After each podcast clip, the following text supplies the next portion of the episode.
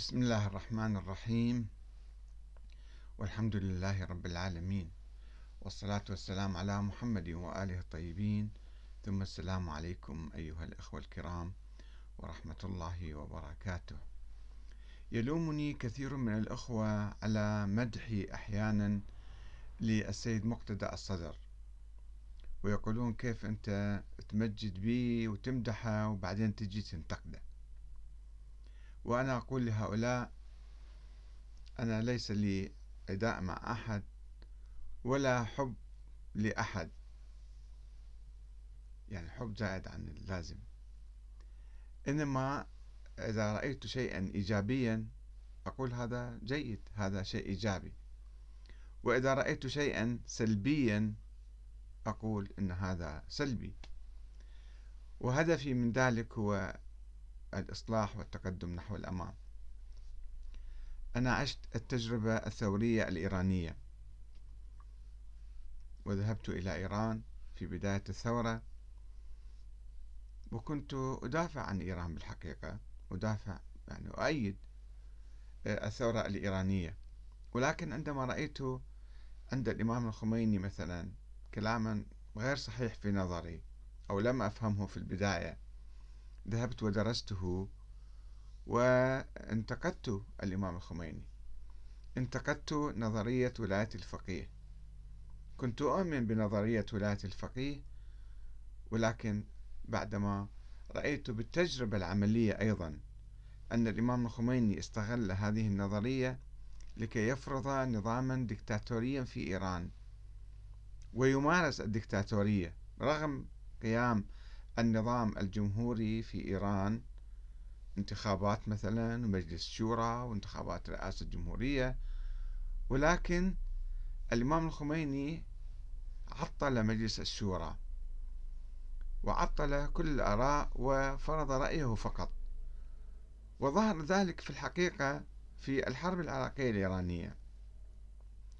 عندما شن صدام حسين حرب على إيران وإيران استطاعت أن ترد هذا الهجوم خلال سنتين.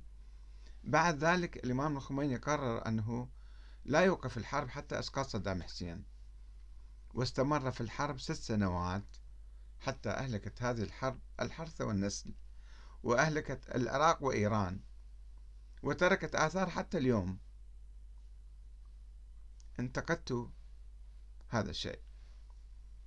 يعني لست ضد الإمام الخميني ولكن إذا كان يعني كما مدحناه في الأشياء الإيجابية وفي قيادة الثورة كذلك إذا وجدنا خطأ خطيرا ومهما جدا علينا أن نقول هذا خطأ وأن نأخذ العبرة من ذلك الخطأ.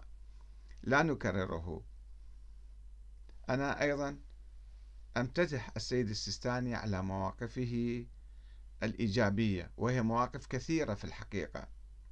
وفي نفس الوقت أنتقد بعض آرائه الفقهية وبعض مواقفه السياسية. أقول هذا خطأ ولست الآن بصدد يعني أتحدث عن ذلك. ولي محاضرات كثيرة. البعض يتعجب يقول كيف أنت تمدح من ناحية وتذمه؟ أنا لا أمدح ولا أذم. إنما أنتقد السلبيات وأمجد الإيجابيات. أقول السيد مقتدى الصدر سنة 2004 قاوم الاحتلال وكان مجاهدا وكاد يضحي بنفسه من أجل ذلك. ولكن إذا رأيت بعض بعد ذلك بعض الأخطاء الفكرية أو السياسية فعلي أن أقول ولا أخاف لومة لائم في الحقيقة. لأني أنظر إلى مستقبل البلد وليس كشخص السيد السيد المقتدى. أنا أنتقدت المرجعية المرجعية الدينية وقلت هذه ليست دينية هذه بدعة حادثة ولا تقوم على أسس دينية. هم يقولون تقوم على أسس عقلية يقولون وهي ليست بعقلية. فلا توجد في الإسلام مرجعية دينية ولا توجد حتى في التشيع هذه المرجعية إنما حدثت عبر الزمان لظروف معينة. فننتقد النظرية. لأنها تؤدي إلى الدكتاتورية أن المرجع يصبح هو مثل الصنم يعني يصبح هو الحق المطلق عنده. يحل حراما ويحرم حلالا ويفعل ما يشاء والناس يقلدوه تقليد الأعمى. التقليد الأعمى ظاهرة سلبية للعلماء.